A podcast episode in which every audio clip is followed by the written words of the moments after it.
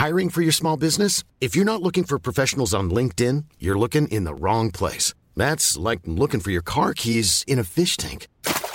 LinkedIn helps you hire professionals you can't find anywhere else, even those who aren't actively searching for a new job but might be open to the perfect role. In a given month, over 70% of LinkedIn users don't even visit other leading job sites. So start looking in the right place. With LinkedIn, you can hire professionals like a professional. Post your free job on linkedin.com slash people today. When people are happy with risk and embrace risk, then by definition, uh, prices go high.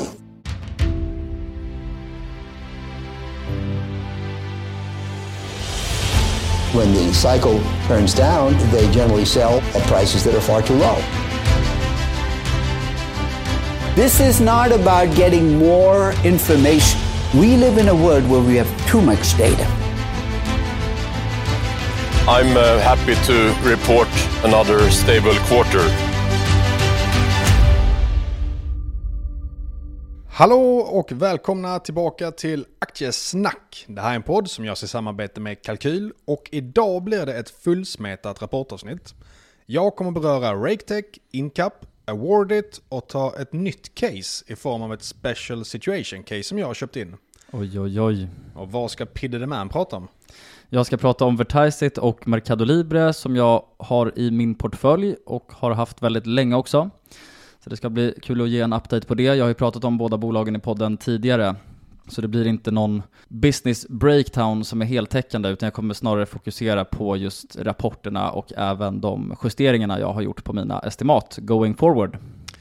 Gott! Och sen har vi ju eh, veckans sågning också den här veckan. Och den går till eh, den här nya trenden med bolag som gör nyemission och samtidigt betalar utdelning. Det är lite pinsamt i min eh, bok. Vill du ge några exempel? nu satte mig på pottkanten. Men det är ju några som har gjort det, bland annat de här eh, Distit och eh, ja, det är en drös som har gjort det i alla fall. Men grejen är den att det här kostar ju massa onödiga miljoner att göra nyemission som man då ger till investmentbankerna. För de tar ju bra betalt för att göra det här. Och sen tar företagen och delar ut pengarna som man får in i nyemissionen. Så i min bok så visar ju det att ledningen bryr sig mer om aktiekursen än att skapa vinst per aktie, som är det viktiga för bolaget. Och jag tror att ledningen tror förmodligen att folk blir sura om utdelningen dras in. Men enligt mig så är det väldigt kortsiktigt tänk och eh, egentligen en varningsklocka för hur kortsiktiga management är.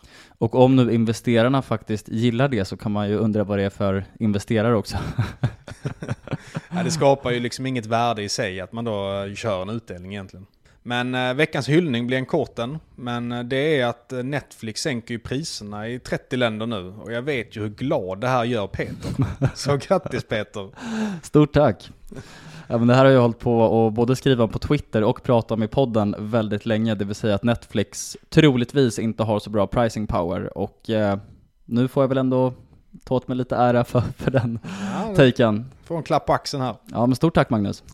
Och sen har vi haft eh, rapporter från eh, RakeTech. Och eh, sammanfattningsvis så tycker jag att det var en bra rapport. Man växer 23% organiskt, amerikanska marknaden växer med 100% och adjusted ebitda växte med 16%. Och sen så en grej i rapporten också som värd att notera var att man lägger om sina långsiktiga mål till att ha en guidance för innevarande år istället. Och kollar man då på det här nya målet så höjer man målet för organisk tillväxt till 15-25% för 2023 från att ha haft ett långsiktigt organiskt tillväxtmål på 10%.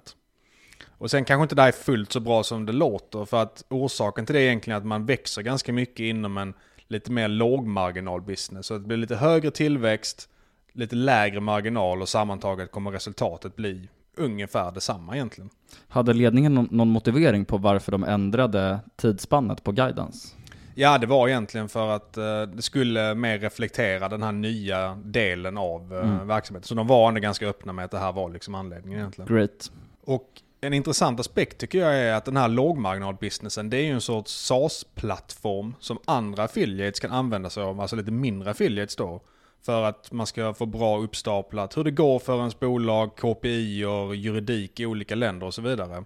Och där ligger en väldigt intressant grej tycker jag. För att RakeTech är ett företag som ofta gör förvärv. Och nu genom att man har då en plattform med massa andra små bolag där man kan kolla på deras KPI, hur det går för businessen. Då har du egentligen perfekta verktyget för att hitta intressanta förvärv och då se hur de går i realtid. Så att det är någonting som jag tror man kommer kunna bygga vidare på och ge mig ökat förtroende för att framtida förvärv troligen kommer kunna bli ganska bra för bolaget.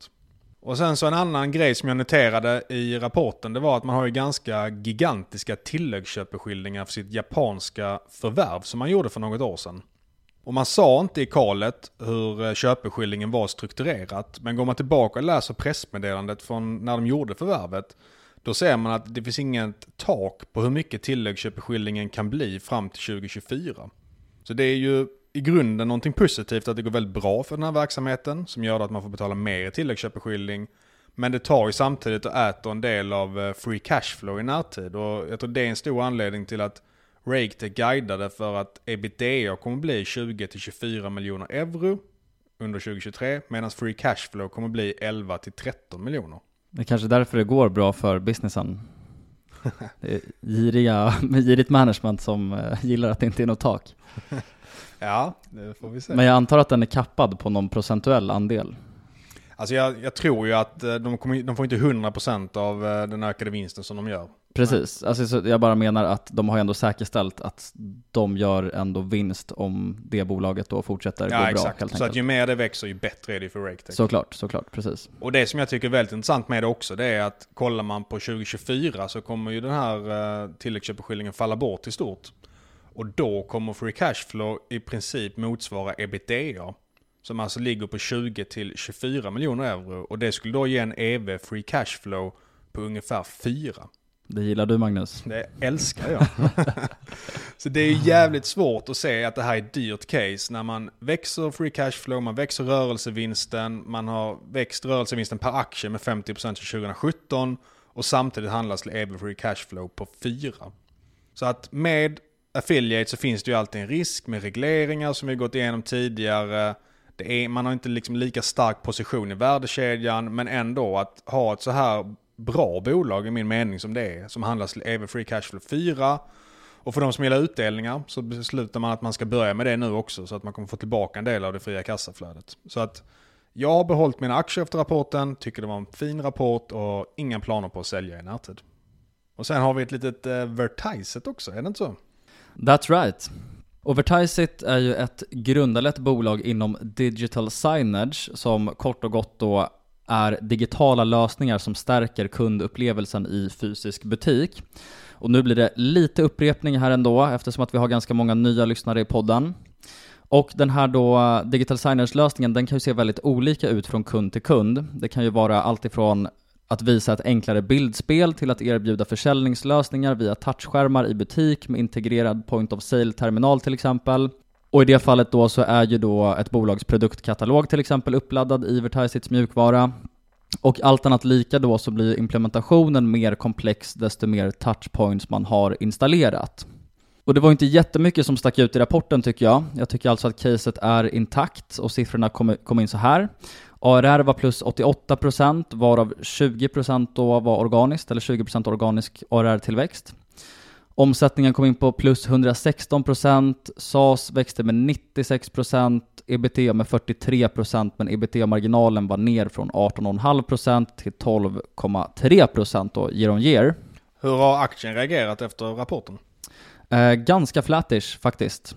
Men det är så jäkla låg likviditet och det kommer jag komma tillbaka till sen. Det är en del av caset också som jag tycker om, det vill säga att det faktiskt verkar vara ganska oupptäckt. Och observera också att de här siffrorna är förvärvsboostade. Men det jag gillade i alla fall med rapporten, det är att integrationen av MultiQ-förvärvet är ju klar och att det här stora projektet då med att föra över samtliga dotterbolag till samma mjukvarusystem är också färdigställt.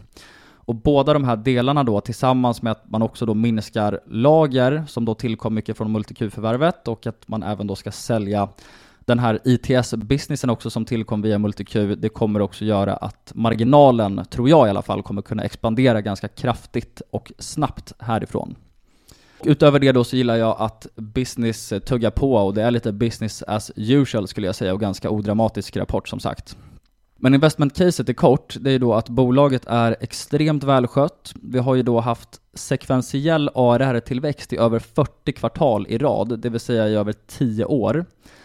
Och man har varit lönsamma alla år sedan 2009. Och som jag sa då så tror jag att bolaget, eller uppenbarligen så är det ganska oupptäckt givet en väldigt låg likviditet då i aktien. Och börsvärdet ligger också och skvalpar ganska perfekt omkring den här klassiska fondtröskeln. Det vill säga då när institutioner börjar titta på ett case för att det då antingen är tillräckligt stort, men det är också, har också väldigt mycket att göra med likviditet och den är ju som sagt väldigt kass i Vertiseit, så att det hade nog blivit ganska svårt för dig att handla Vertiseit, Magnus. Ja, ni ska inte överdriva.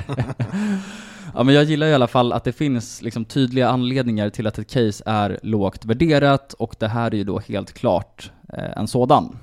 Sen har vi också saftigt insiderägande och en bra ägarlista. Grundartrion då som är Johan, Adrian och Oskar som är då CEO. Adrian är styrelseledamot, Oskar är CTO och sen så har vi också Jonas som är CFO.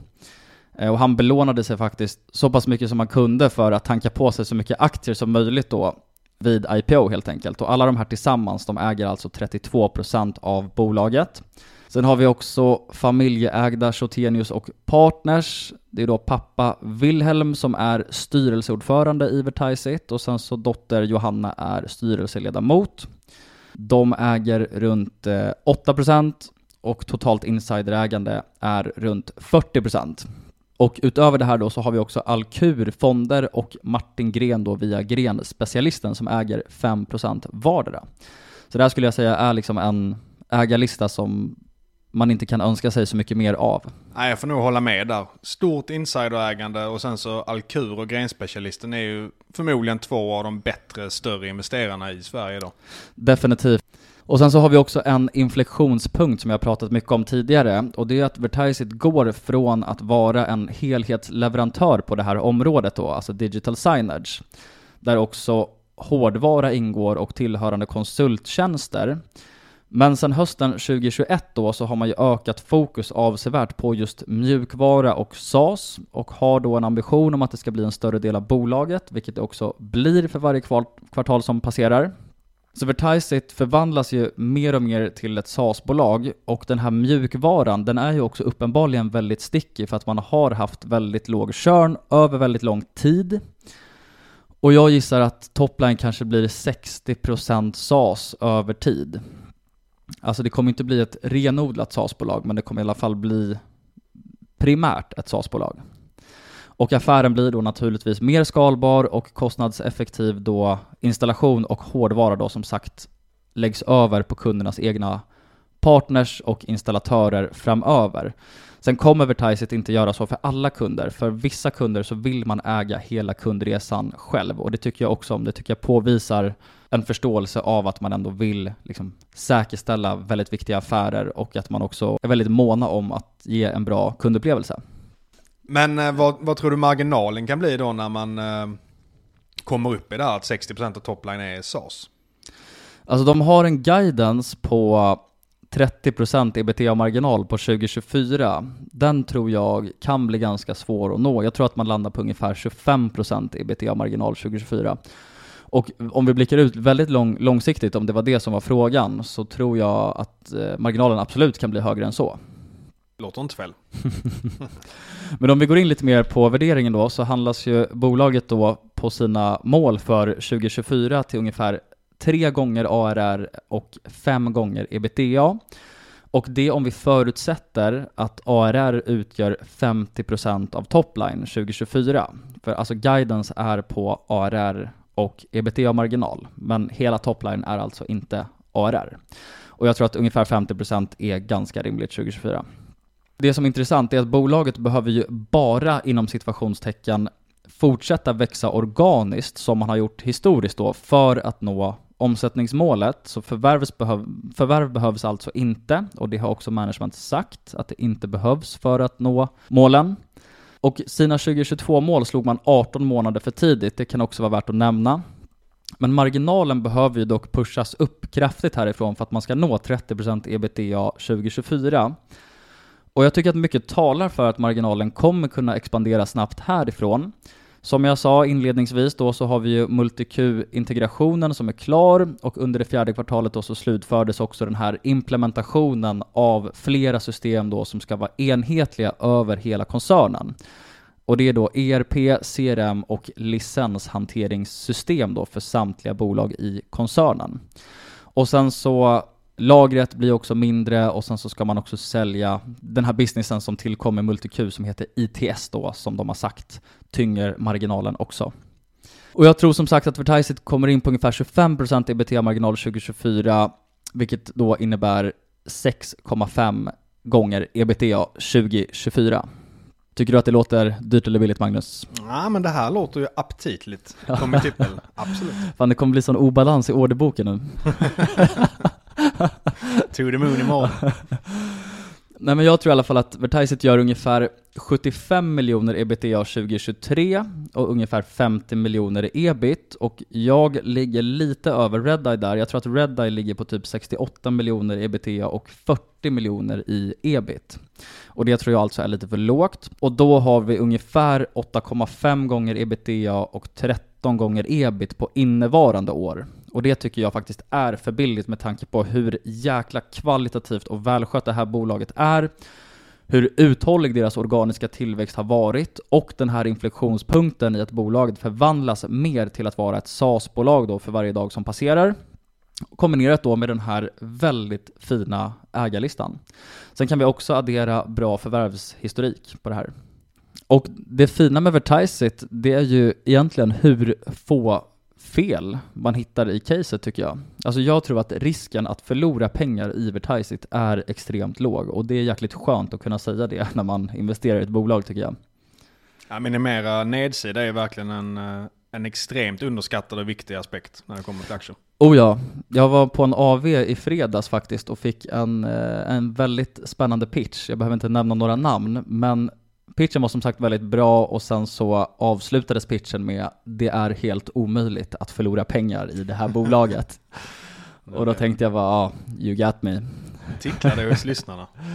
Ja. Kanske ett case som kommer senare i podden, inte idag dock. Och du hörde ju på ryktesväg att det började lysa lite i mina ögon efter den pitchen. Ja, exakt. Det var faktiskt de jag sitter med på dagarna bredvid som träffade Peter i fredags som sa att ja, din poddkollega, hans ögon började lysa när vi drog det här caset.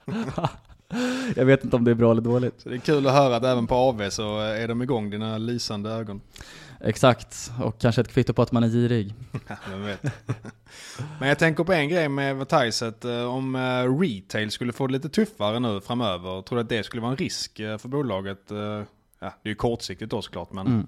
Alltså jag, jag, tycker att vi fick ganska många svar där under covid faktiskt. För att då hade ju retail det uppenbarligen väldigt, väldigt tufft. Men de hade ju väldigt låg churn trots det. Och dels så i kontrakten så finns det många klausuler om att de indexeras mot inflation, vilket såklart är bra. Jag vet faktiskt inte exakt, jag minns inte exakt hur stor del av kontrakten, men jag har för mig att de har uttryckt att det är en majoritet av kontrakten som indexeras mot inflation. Och sen så löper ju också kontrakten över lång tid. Så att även om det blir en kortsiktig dipp, precis som då till exempel med corona, eller som nu med, eh, med den här krisen, alltså Ryssland, Ukraina och så vidare, så har vi faktiskt inte sett ökad churn. Så det är också ett en, en viktig del av caset som jag tycker är en skön krockkudde. Alltså den här mjukvaran verkar vara väldigt sticky. Ja men intressant, eh, fint case, definitivt. Och tillbaka till dig Mange, vad yes. har vi härnäst? Special situation hörde jag.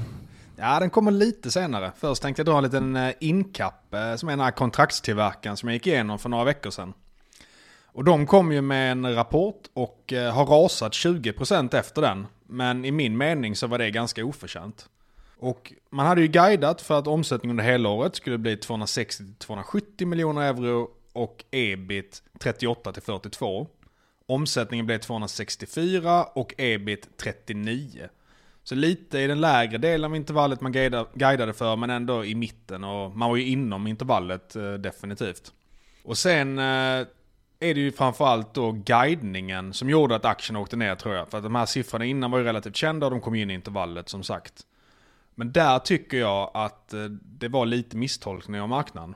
För att, jag kan ju börja med det dåliga. Det var ju att vdn flaggade för att Incaps kunders konkurrenter skulle ha bättre tillgång till komponenter vilket då kunde missgynna Incaps kunder framöver och därigenom göra att de beställer mindre från Incap och på så sätt påverka möjligen Incaps omsättning framöver. Sen sa han också att eh, man lägger inte beställningar lika långt fram eftersom det är lite lättare åtgångskomponenter nu så man behöver inte lägga ett år framåt utan man kan gå tillbaka till hur det var tidigare. Så att visibiliteten framåt blir lite, lite sämre. Och sen så sa också vd att han räknar med att tillväxten blir lägre under 2023 än 2022. Och att det kommer vara en mer modest pace som man växer. Men nu ska jag gå igenom varför jag tycker att det var lite överdriven reaktion på det här, även om det var lite mer negativa ordalag. Det är så för Incap att de har tre typer av guidning för hur det kommer gå i outlooken närmaste året. Och då har man att omsättningen kommer bli higher, clearly higher eller significantly higher än föregående år. Och higher betyder att det är upp till 20%. Clearly higher är att det är 20-40% och significantly higher är att det är över 40% tillväxt. Så nu har man alltså, man räknar någonstans med 0-20% tillväxt mot 55% som man växte föregående år. Det är ganska brett intervall. Ja, och det är lite poängen jag kommer komma till, att man är ganska luddig i början på året alltid. För jag har suttit och gått igenom de gamla rapporterna och kollat hur man har guidat i början på året. Går vi tillbaka till 2021, då guidade man för 0 till 20% tillväxt i början av året och resultatet blev 59%. Alltså 0 till 20 samma som man guidar nu. I Q1 var det 20 till 40%, det blev som sagt 59% och även vid H1-rapporten så guidade man 20-40 men utfallet blev 59%. Så man var ju helt klart konservativ i början av det året. Går vi vidare till 2022, så när årsrapporten för 2021 kom så guidade man återigen för 0-20% och sen växte man 55%. I Q1 var det återigen 0-20%, man växte 55%. Och Q2 så guidade man för 20-40% jämfört med utfallet på 55% då. Så det är ju en klar och tydlig historia hos Incap att man guidar hyfsat lågt i början och man brukar också göra det lite luddigt och man lyfter alltid upp några negativa aspekter i varje rapport i princip. Vet du varför de guidar så luddigt? Det känns ju faktiskt lite märkligt. Men jag tror det är för att man är ju i händerna på ens kunder så att du vill inte vara för aggressiv och sen så händer någonting. Man tar hellre och slår de guidningen som man har lagt ut än att mm. det blir tvärtom egentligen. Tänk om det är så jäkla svårt att förutse så kanske de inte borde guida. ja, det är ändå en, eh, en poäng eh, faktiskt. Alltså det ger ju liksom inte jättemycket till investerarkollektivet tänker jag. Nej, mer än att eh, folk paniksäljer nu när man gör den här ja. början på året-guidningen. Typ så. För att man handlas ju till EV-EBIT 14 nu och tar man bara vinsten i andra halvåret förra året gånger två så får man EV 10.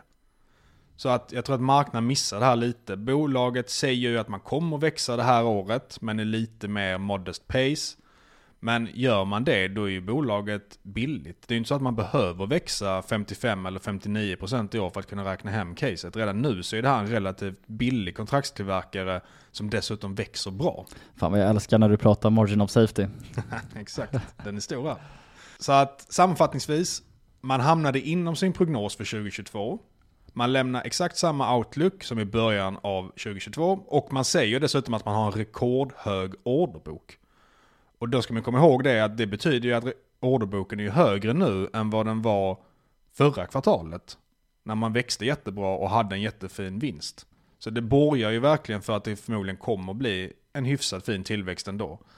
Sen kanske den inte blir 50%, det räknar inte jag med inför rapporten heller. Det är ju en extremt hög tillväxttakt som inte är uthållig för i princip något bolag att växa organiskt med så hög takt. Men man har också sagt att man letar aktivt förvärv nu och man har i princip ingen nettoskuld. Man har bundit upp kapital i lagret nu under pandemin för att det varit de här leveransproblemen så man sitter på extra mycket lager. Så när det betas av tror jag att man kommer kunna få en ganska fin nettokassa under året. Så att utöver den här organiska tillväxten som man kommer få i år kommer man förmodligen kunna göra något förvärv med egna medel, egen kassa och kanske ta lite lån då.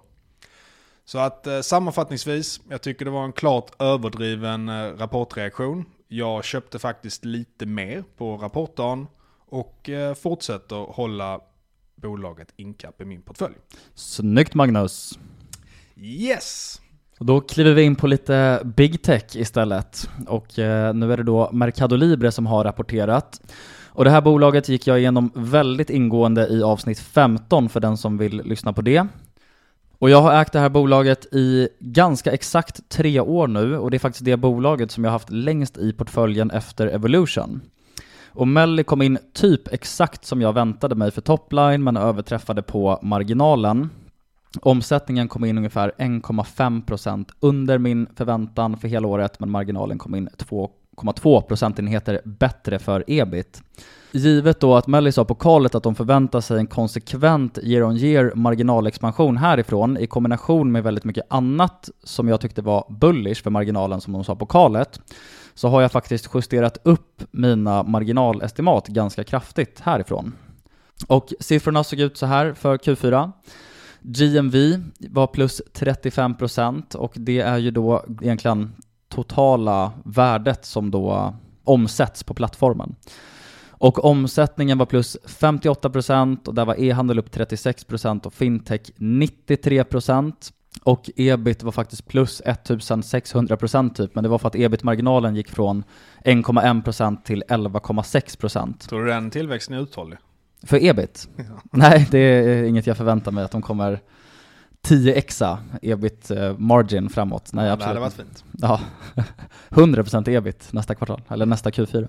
Ja, några highlights var ju då i alla fall att GMV-tillväxten accelererade mot Q3 och GMV-tillväxten i kvartalet kom som sagt in på 35% som sagt och i Q3 så var den 31,5%. Och fintech blir också en större del av verksamheten och kommer under 2023 högst sannolikt då växa om e-handel. Och i Q4 då så utgjorde fintech 45% av topline och växte med 93% som sagt då. Och för samma kvartal föregående år då så utgjorde fintech 36% av topline.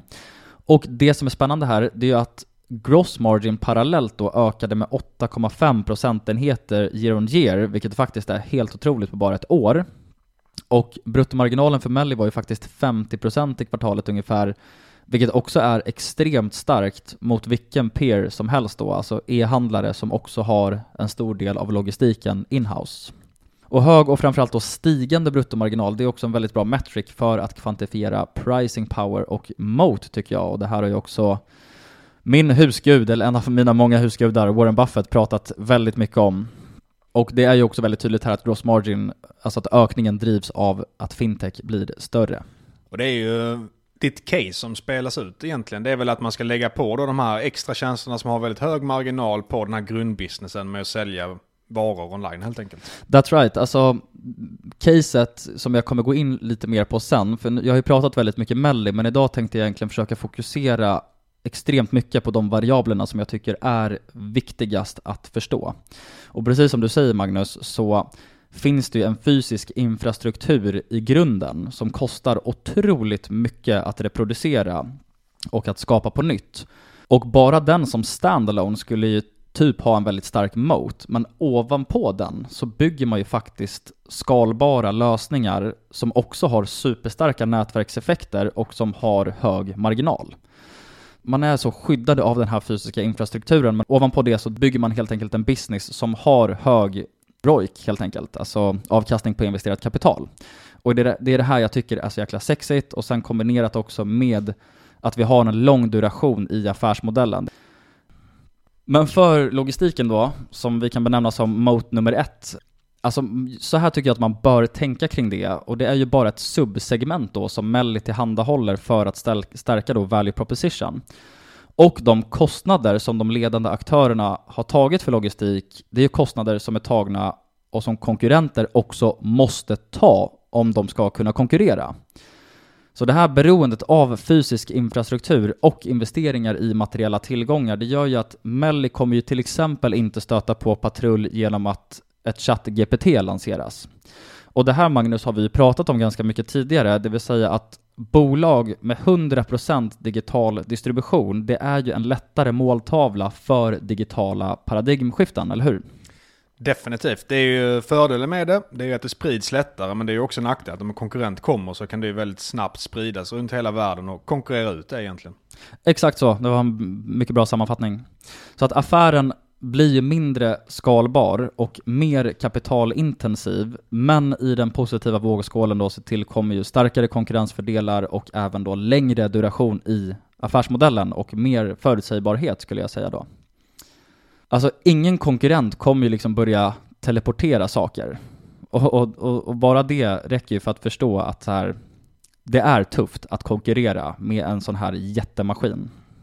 Och sen så kan man också tillägga att cost advantages och economies of scale tillkommer ju också. Så när man expanderar sitt logistiknätverk, när man är en sån här jätte, så kan man ju också göra det till lägre kostnad än konkurrenterna, för att du får pricing power mot leverantörer. Och sen går vi vidare till nästa mot då, och det är alltså marketplace och nätverkseffekter. Så ja, som jag har pratat om mycket nu, den fysiska infrastrukturen det är ett skydd mot konkurrens och ovanpå den så har vi ju den i särklass största marknadsplatsen då för e-handel i Latinamerika. Och den skulle ju också enskilt ha en väldigt stark moat, men när de här då nätverkseffekterna dessutom skyddas av den fysiska infrastrukturen som den byggs ovanpå, så blir det här enligt mig en kompott som typ inte går att rubba på. Och tittar man på kapitalintensiteten i grunden så finns det typ bara två eller tre aktörer som kan matcha det här och det är ju Amazon, Alibaba och C-Limited i princip. Och det är också en, en anledning till att e-handel är ju en winners take most, brukar man säga. Alltså att tittar man på e-handel brett i världen så är det ofta två, tre spelare som har typ så 70% market share i många regioner. Och det pratade förresten mycket Adam Wyden om när vi intervjuade honom. Hur är det med eh, Amazons närvaro i Sydamerika och liknande? De är i Sydamerika. De lanserade i Sydamerika 2012 vill jag minnas och de rampade upp satsningen i Sydamerika 2019, alltså framförallt i Brasilien. Och det såg vi genom att de faktiskt lanserade Prime där. Men Melli växer ju snabbare än dem och tar marknadsandelar. Alltså de växer snabbast i regionen av alla konkurrenter, eller det sa de i alla fall på kalet. Och tittar man på marknadsundersökningar då så växer också deras market share. Och fördelen är ju att Amazon har så jäkla mycket andra, liksom dels segment, men också geografier att fokusera på. Men hur som helst då, det här är ju typ min favoritmode som jag sagt innan, alltså den här kombinationen av de här delarna. Och för mig så ger det verkligen en låg risk och hög potentiell reward, samtidigt då som det är lätt att begripa. Och sen tänkte jag prata lite mer bara om marknadsledarskap då, som man skulle kunna klassificera också som ytterligare en typ av moat. Och här kan man ju också dela upp det i subsegment i och med att Melli opererar ju inom flera olika vertikaler. Men de är marknadsledare inom både e-handel och logistik. Man är typ eh, delad etta, eller kanske då strax bakom Nubank vad gäller fintech. Och Berkshire Hathaway har för övrigt en stek i Nubank, vilket kan vara kul att känna till. Men marknadsledarskap har ju många fördelar. Precis som jag pratade om innan så ger det ju liksom cost advantages. Och så här skrev Bezos faktiskt i hans allra första aktieägarbrev. Market leadership can translate directly to higher revenue, higher profitability, greater capital velocity, and correspondingly stronger returns on invested capital. Our decisions have consistently reflected this focus. Det låter inte helt fel. Nej men det gör det ju faktiskt verkligen inte och jag kan bara hålla med här. Och på tal om storlek så tycker jag faktiskt att Melly har någon typ av sweet spot vad gäller just storlek när det kommer till de här segmenten. För när man investerar i e-handel så vill man ju faktiskt ha tillräckligt stor size för att fördelarna med marknadsledarskap då ska kunna realiseras. Men samtidigt så vill du äga någonting som är tillräckligt litet för att kunna ha potential att växa både mycket och snabbt under lång tid. Och de här egenskaperna tycker jag faktiskt att Mercado Libre har. Alltså de har den relativa storleksfördelen då mot konkurrenter och de är tillräckligt små för att kunna växa både mycket och länge.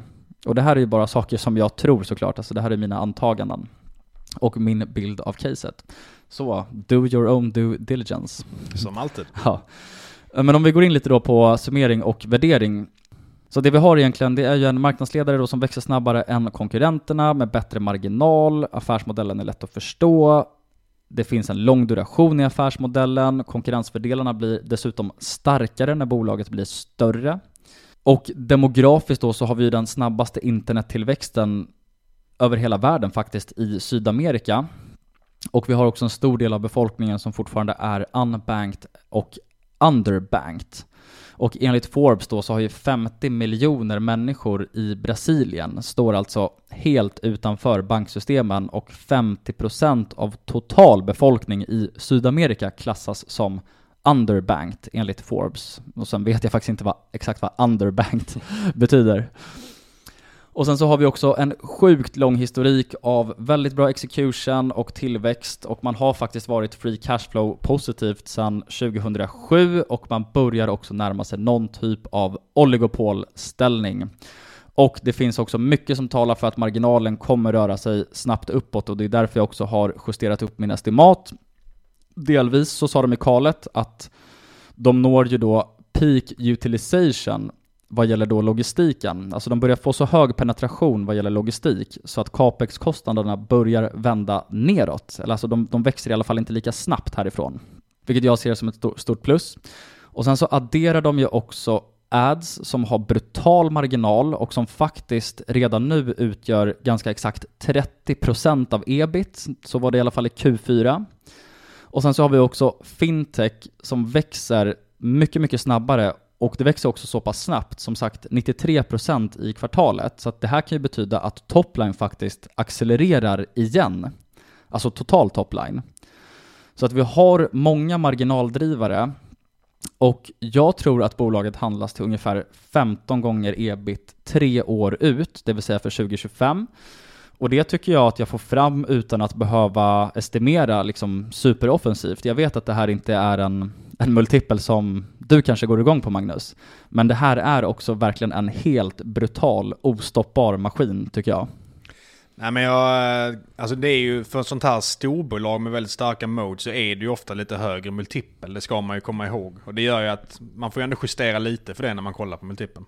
Nej, jag tänkte på en grej också. De gick ju till ganska kraftig ebit-marginal från att inte ha haft det tidigare. Är det någonting som marknaden premierade då till den här rapporten med tanke på hur mycket viktigare det har blivit för investerare med lönsamhet och så vidare? Alltså Melly har gått ganska bra i år, men på rapporten så var den typ flat, eller plus typ 3% tror jag. Så att det var liksom ingen, eh, ingen jättereaktion på något sätt. Men konsensus ligger i alla fall på typ 20 gånger ebit 2025, så jag är ju lite mer optimistisk än analytikerna och då tycker jag faktiskt inte att jag som sagt har tagit i jättemycket för de här estimaten. Och vi vet ju också att analytikerna ofta har väldigt fel, i synnerhet också om vi liksom kollar några år ut. Och jag gillar faktiskt inte att kolla för mycket på konsensus. Jag tycker snarare liksom att det på ett irrationellt sätt kan påverka vad jag tror om ett case. Vad, vad, tycker du om det? Nej, det är också det. För att eh, uppnå bra avkastning så ska man ju gärna avvika lite från konsensus. Det är ju då du lyckas med. Om det går exakt så som alla andra tror, då reflekteras det förmodligen redan i aktiepriset. Så det är verkligen det man vill ha, ett case där man själv har lite mer positiv åsikt och tror att den kommer inträffa. Då, då brukar det gå bra för aktien också. Precis, sen har vi pratat om det tidigare, att för analytiker som yrkesgrupp så är det ju faktiskt ganska dålig risk-reward att stå ut på båda håll. Alltså att ligga för lågt och för högt. Alltså du kommer ju liksom aldrig bli svartmålad eller kunna få sparken om du ändå ligger runt konsensus, eller hur? Nej, exakt. Jag tror att uh, smärtan av att bli en Moberg i Evolution är nog större än att uh, ligga street high och få rätt. Det är ingen som minns den personen. Ja, precis. Och det tycker jag faktiskt att alla ska tänka på när man tittar på sell-side research estimat, att det är mycket incentives och psykologi inblandat. Men hur som haver så är jag väldigt bullish på Melly just nu och det är mitt största innehav tillsammans med Vertiseit av alla bolag. Sen ska det också tilläggas innan jag avslutar här att Melli återköper ju faktiskt aktier och jag har inte tagit hänsyn till det eller till cash build-up. Alltså jag har ju bara lagt då 15 gånger ebit som sagt, tre år ut. Så det här ger ju mig någon typ av margin of safety eller lite ytterligare då spets. Och sen så kan jag också säga att det är sjukt ovanligt att ett sånt här techbolag som växer så snabbt i princip har obefintlig stock-based compensation och det gillar jag också. Så det var det jag hade på Mercado Libre, Magnus. Ska vi hoppa tillbaka till Special Situation? Den kommer snart! Först har jag faktiskt en liten spaning så här eh, sent i avsnittet som kommer att gå över i en eh, rapportkommentar. Men det är ju någonting som jag har märkt faktiskt har ännu större signalvärde än eh, insynsköp i aktier. Alltså ett agerande från insider som har ännu större signalvärde än insynsköp. Vet du vad det är Peter? Hmm. Ja, den är rätt svår att komma på. Den är fan skitsvår. Men det är när... Ins- vänta, vänta. Nej, fan kör, kör. Det är när insiders är ute och promotar en rapport som kommer att komma väldigt snart. Det har jag märkt. Till exempel gjorde Spiltans ordförande det nu när Paradox skulle eh, rapportera. Då var han ute på Twitter och skrev om det. Han skrev att jag kommer kommentera rapporten i det dagen efter. Vi såg det nu i Awardit till exempel. Då var före detta vdn ute och skrev på Twitter flera gånger och påminde om Pinpoint och rapporten, när den kom och så vidare. Det där, det där är jäkligt intressant. Jag läste faktiskt det i en bok nyligen där författaren då listade vissa saker som typ ingen kollar på men som faktiskt kan vara alltså väldigt bra katalysatorer för att en aktie ska gå bra på kort sikt. Och det var till exempel att ett bolag som aldrig har haft ett earnings call ska bestämma sig för att göra ett earnings call. Eller precis som du säger, att man promotar en kommande rapport från ingenstans när man inte har gjort det tidigare. Och det där var liksom väldigt självklart när man läste, läste det, men jag har faktiskt aldrig tänkt i den banan själv. Nej men faktiskt, för att funderar man lite på det så är det ju ganska självklart. Du vill inte gå ut och promota någonting som kommer att bli skit. Du vill ju gå ut när du är stolt över att ditt bolag har lyckats, du ska få prata om det, du vill att folk ska höra hur bra det har gått. Det är ju då du går ut och vill prata om det. Såklart. Så att det är ju absolut ingen typ av insiderinformation eller liknande, men det är bara naturligt mänskligt beteende att du vill prata om det när det går bra helt enkelt. Så att på grund av detta köpte jag faktiskt in en liten stek i eh, Awardit eh, för några dagar sedan. Och den rapporten ska jag prata om nu. Så det blev ju en eh, ganska bra rapport som inte var helt oväntat. Man växte organiskt med 16,5% och ebita var relativt flat. Men då ska man komma ihåg att man fick covid-stöd av staten 2021 på 9 miljoner kronor. Så justerat för den verkligen engångseffekten så växte ebita med 16%. Och aktien har också gått upp, eh, tror den var upp 6% idag eller liknande. Och man ska ju komma ihåg det att Awardit har ju haft ett väldigt tumultartat 2022. Det började ju med det här usla Q1 då man hade det här tyska förvärvet som verkligen underlevererade. Man tappade lite energikunder som i princip gick under på grund av att gaspriserna blev så höga och så vidare. Och det som jag och nog många andra började oroa mig lite för då, det var att det här var ju första förvärvet på den europeiska kontinenten om jag inte minns fel. Och det var ju nästa steg för award, awardet i deras resa. Om man då börjar med ett fiasko, kommer man verkligen kunna göra då den här expansionen till nya geografier? För det är ju väldigt mycket svårare gjort än sagt helt enkelt. Så att då fick man ju sig en liten törn. Men jag tycker att man kontinuerligt under 2022 har bevisat att det här var ett ganska bra förvärv ändå och Awardet fortsätter att tugga på. Man fortsätter med den här väldigt bra utvecklingen som man haft sedan man börsnoterades. Och trots då att man tappade de här kunderna och de fortfarande inte är tillbaka så växte man alltså organiskt rätt ordentligt nu i Q4 och i början på Q1 så har man växt 18%. Så att man är fortfarande kvar lite på den här gamla värderingen där det var lite kris från början av året. Man handlas på EV-ebita på ungefär 11 på rullande 12 månader. Samtidigt som jag tycker att Awardit faktiskt har gjort en fin resa och återfått mitt förtroende i alla fall. Så att eh, jag behåller eh, aktierna jag köpte. Det är en ganska liten stek. Men eh, jag behåller dem och tycker att awardet Awardit is back. Funderar på om man ska göra lite sidecar investing i Awardit. Vad innebär det? Det innebär att det är, det är ändå ganska många, som jag upplever i alla fall, som duktiga investerare som tycker att Awardit är ett väldigt, väldigt spännande case. Ja, jag håller med. Nackdelen är att det är ju lite svårförstått kanske. Med, med vilka kunder de har och hur det påverkar fram och tillbaka. Det kan komma lite blackboxes och så. Men den här, trots det så har de en fantastisk historik över lång tid och är ett av få förvärvsbolag som faktiskt visar upp en stark organisk tillväxt kvartal efter kvartal, vilket många andra de högflygande förvärvsbolagen 2021 inte längre gör. Så det är Precis. imponerande.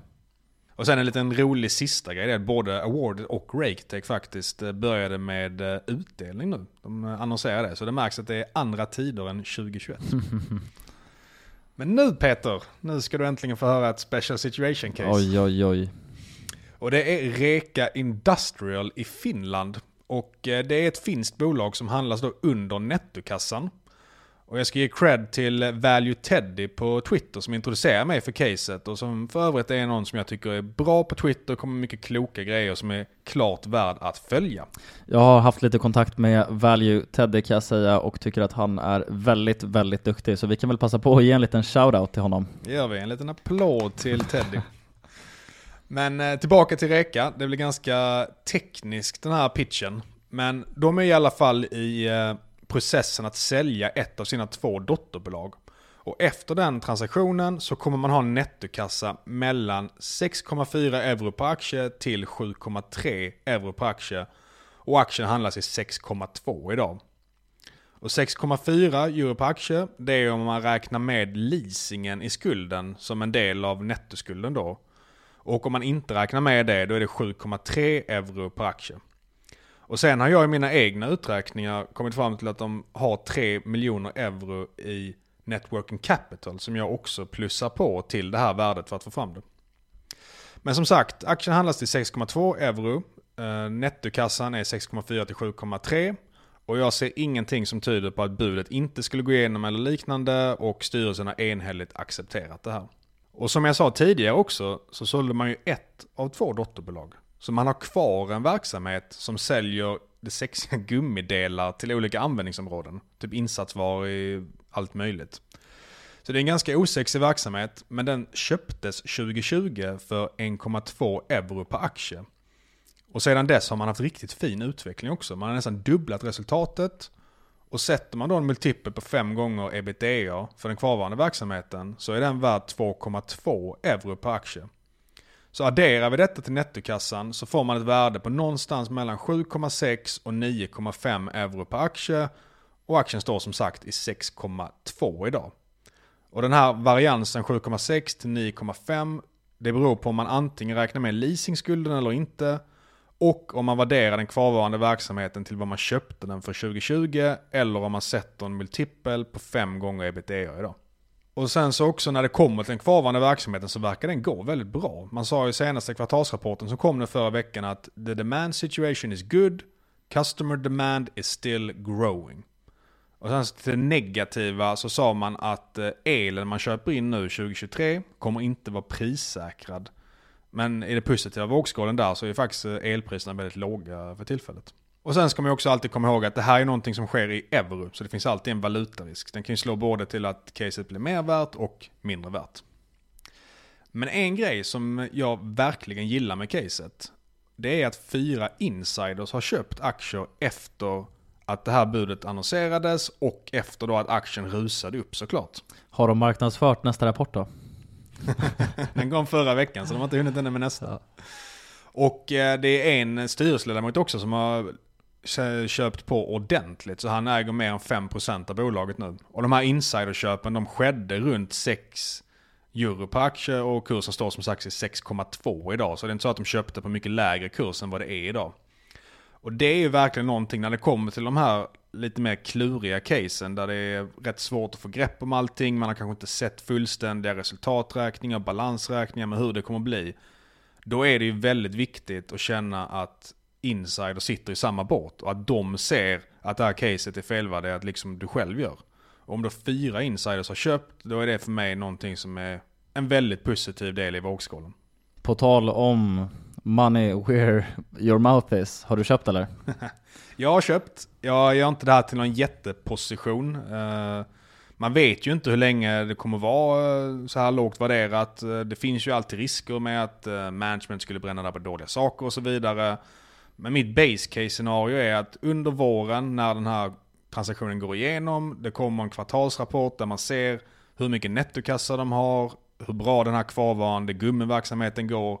Då tror jag att det här värderingsgapet kommer stängas och att aktien kommer röra sig upp mot, ja, någonstans i det intervallet som jag förutspådde. Jag kommer förmodligen sälja en ganska stor del vid 7 euro för att ha lite margin of safety. Men jag tycker att det ser väldigt fint ut och som sagt att ha en nettokassa som är större än bolagsvärdet samtidigt som man då har en kvarvarande ganska fin lönsam eh, business som växer ganska bra. Det är för mig någonting som smakar gott. Sen ska du avsluta pitchen med någonting nu ingen... eh, Det går inte förlora pengar i det här caset. Ja, det går inte att förlora pengar och vi ger ingen rådgivning eller rekommendation. Så kom ihåg det, gör alltid er egen analys. Inga råd är förknippade med den här podden. Känns som att nu på grund av viss juridik att jag måste säga att det där var ett skämt. Absolut. Men det var eh, avsnittet den här veckan. Yes, jag tyckte du var on fire idag Magnus. Jävligt bra pitchat. Ja, man tackar. Du var inte helt fel du heller Peter. Jag tyckte det började lysa lite i ögonen på dig när jag pratade om Vertiset i alla fall. Ja, men du smittar mig lite. Nej, men Vertiset är ett väldigt fint case. Jag har varit lite sugen. Det är ju som sagt lite halvdålig likviditet eh, tyvärr, men eh, fint case. Mycket fint case. Så med det så tar vi och eh, tackar för den här veckan. Så hörs vi igen om en vecka och då blir det några fler rapporter och lite annat smått och gott. Och kanske ett sprillans nytt special situation case som vi kollar lite på faktiskt. Ja, det är inte omöjligt. Tack för att ni har lyssnat allihopa. Ha det underbart! Ha det fint! Ciao! Ha det!